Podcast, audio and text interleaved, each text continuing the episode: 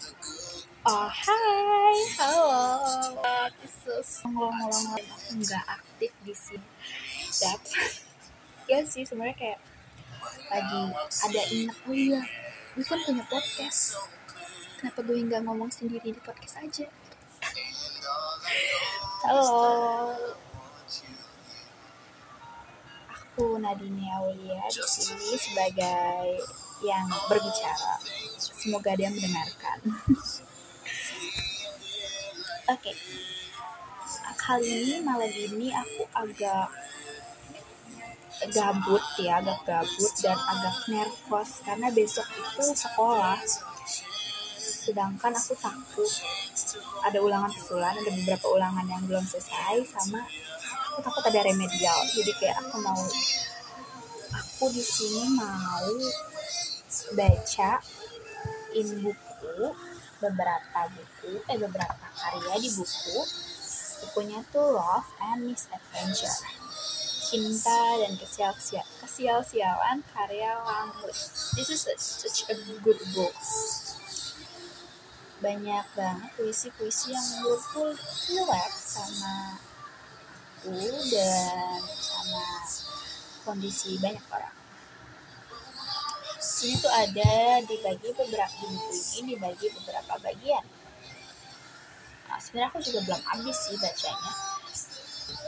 Tapi setahu dibagi dua bagian yaitu bagian pertama itu ada kesial-sialan bagian pertama kesial-sialan dan bagian keduanya itu sirkus duka cita. Keren gak tuh? Kayaknya ada satu bagian lagi ya tapi aku belum sampai situ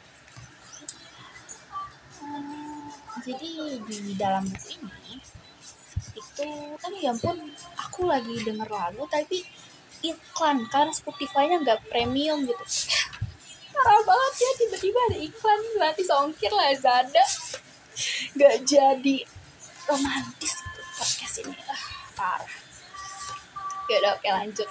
Di buku ini di buku Love and Misadventure ini sebenarnya tuh buku puisi yang dikit-dikit gitu. Isi puisinya cuma satu lembar itu dikit-dikit. Jadi kayak benar-benar baca ringan yang sebenarnya kalau dibaca sekali duduk tuh selesai. Tapi aku lebih suka bacanya lama soalnya kenapa ya? Lebih dapat aja di benar-benar dipahami gitu. Makna dari setiap judulnya. Tapi emang ini alasan sih sebenarnya emang lama aja kalau baca buku slow reader gitu siapa yang slow reader di sini tolong angkat tangan eh kok angkat tangan sih I guess my favorite song.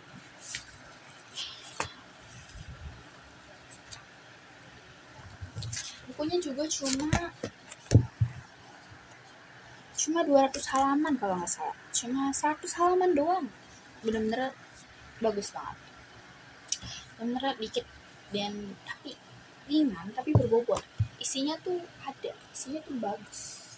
Aku juga suka di buku ini tuh sama si oh ini ada satu bagian bagian tiga ya ada satu bagian lagi bagian tiga itu cinta jadi ada sial-sialan bagian satu bagian duanya itu sirkus tuh cinta yang di bagian ketiganya itu cinta ya.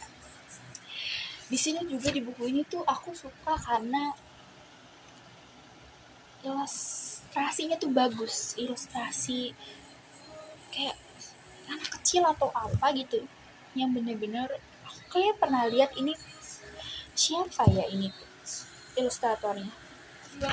Bagus banget. Sedih. Tatapannya sendu. Oke okay. kita mulai dari salah satu karya di buku ini yang favorit aku kita dari atau dari halaman pertama ya halaman pertama buku ini. Karya pertama buku ini.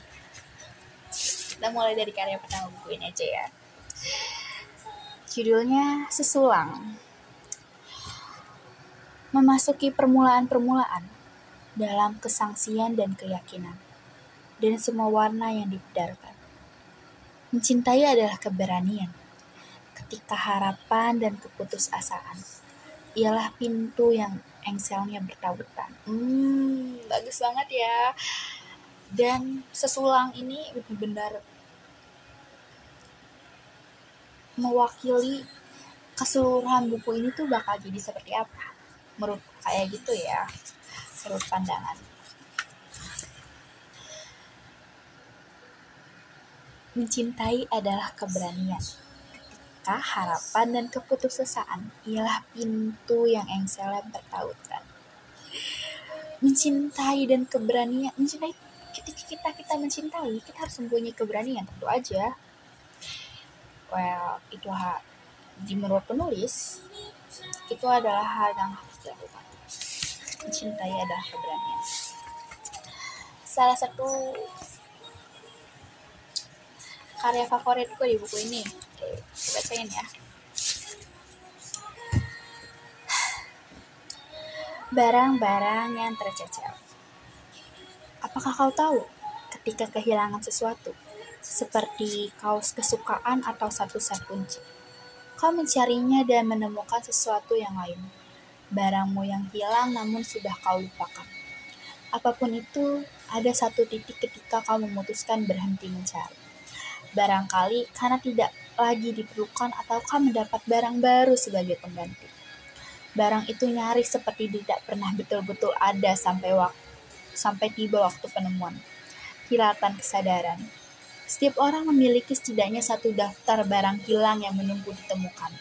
Rindu untuk diakui, dianggap pernah hadir dalam hidupmu. Aku pikir di dunia seperti itu lah aku hidup. Di antara barang-barang hilangmu yang lain. Selembar catatan kumal tersembunyi di kedalaman laci atau foto tua terjepit entah di mana di antara halaman-halaman buku. Aku berharap Suatu hari kelak kau menemukanku dan mengingat aku pernah berarti bagimu. Wah, aku, aku waktu baca ini ya, aku langsung kayak, wah, barang hilang. Aku suka perumpamaan si penulis barang, barang-barang yang tercecer.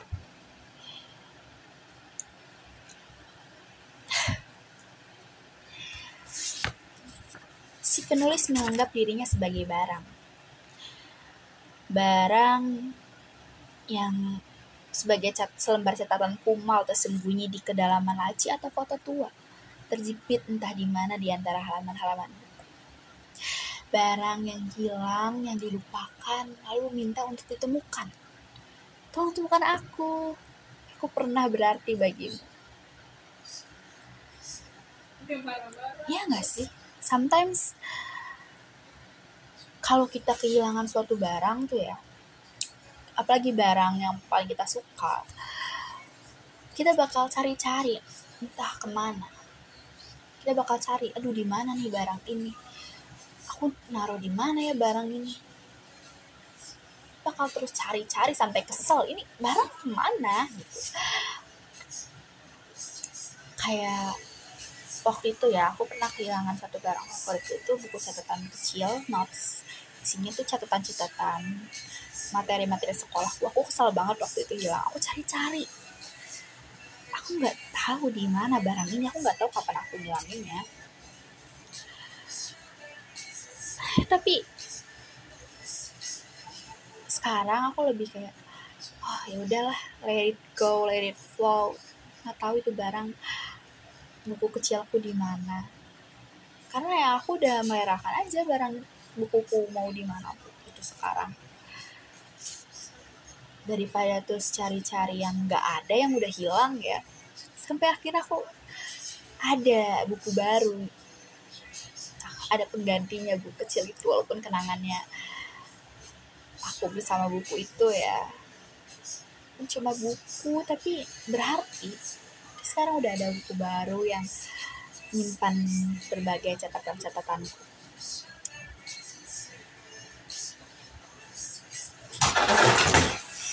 Tapi barang-barang yang tercecer ini membicarakan bukan tentang buku, bukan tentang barang, bukan tentang buku, tapi tentang manusia, tapi tentang seseorang yang pernah begitu berarti bagi orang lain, tapi sekarang sudah dilupakan.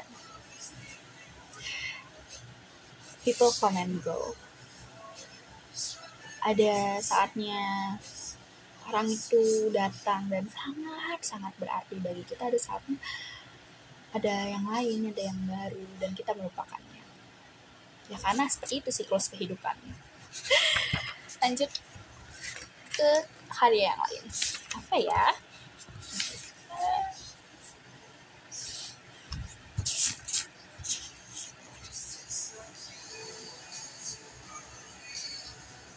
Oke, okay. Kare, kehilangan cinta. Ada seseorang dan kau adalah miliknya, yang cintanya tak bisa digambarkan dengan lagu. Dan meskipun kau tahu sepenuhnya keliru, ada seorang lain yang sungguh pun kau damba. Hatimu sekali waktu adalah bejana. Isinya penuh menyentuh bibirnya. Hingga pada suatu hari ia meninggalkanmu Kini hanya kepadanya seluruh lagu tertuju.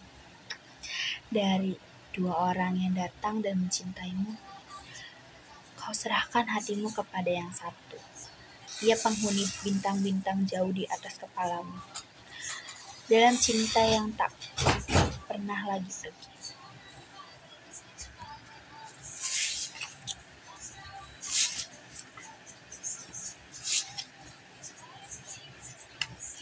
Pekerjaan yang tidak mungkin, mencoba atau tidak mencoba untuk tetap mengingatmu memiliki kaitan sangat erat.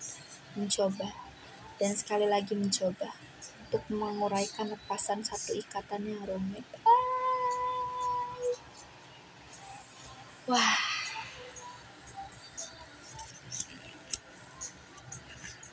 Aduh, penulis menggambarkan perasaannya dengan sangat sangat sangat sangat sangat puitis. Sang penjaga, kau seperti mimpi. Aku berharap tidak terus tertidur. Di dalamnya, aku merasa merasuk lebih jauh daripada yang hatimu rasakan. Aku pikir kau penjaga. Aku berharap mampu tidak melepasnya. Hmm.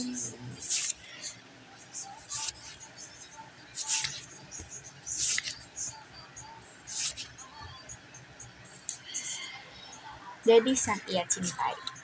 Pernah ada seseorang, pernah ada seorang pria, bagiku tiada yang selain dirinya. Saat ia nyaris mencintaiku, ia pun tumbuh. Semakin dalam ia mencintaiku, semakin jauh ia tumbuh. Aku mencoba mencintainya sebagai sahabat, lalu menyerahkan diri sebagai kekasih. Tapi ia tak balas mencintai pada akhirnya. Hatinya mirip orang lain, tak? Oh, okay.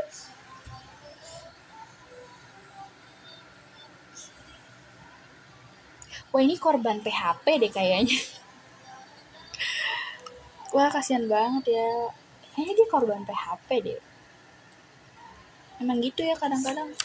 Saat kita udah kasih perasaan kita nyata lah dia kasih ke yang lain. Aduh kasihan banget. Aku mau coba baca di bagian bagian tiga cinta. Aku belum pernah baca bagian ini bagian pertama cinta pertama. Sebelum aku jatuh mencintai kata-kata lengkung ujung langit dan sericit burung-burung cintaku jatuh pertama kepadamu. Wah di sini siapa yang cinta pertamanya? Kalian siapa sih? Kalau aku sih aku nggak tahu ya semua aku bingung. Aku nggak tahu sebenarnya definisi cinta pertama itu apa karena menurutku cinta pertama itu definisinya beda-beda bagi setiap orang. Nah, kita lihat lagi. Di sini kayaknya lebih apa ya lebih ke tentang kalau yang bagian-bagian lain itu lebih ke galau melo-melo gitu. Karyanya kalau yang ini lebih ke romantis gitu. dongeng. Awal musim semi. Hati mekar bisikan-bisikan kita. Di kamar penuh sinar mentari Musim panas, terasa lebih hangat. Pada musim gugur, aku mulai jatuh. Ketika musim dingin tiba dan segala kedusannya, kau telah berubah. Jadi kejutan selamat malamku. Eh, aku salah deh ini emang sesuai judulnya cinta dan kesial-sialan gitu ya cinta nggak selalu yang semuanya indah karena cinta tuh banyak partnya di sini partnya ya gitu.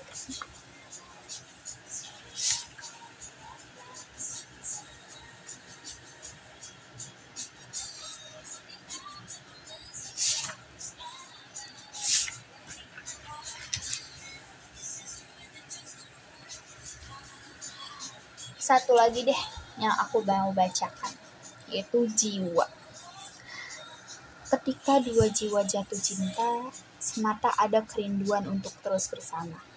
Tidak ada selain itu. Kehadiran dirasakan melalui tangan yang tergenggam bisikan yang terdengar atau senyuman yang terlihat.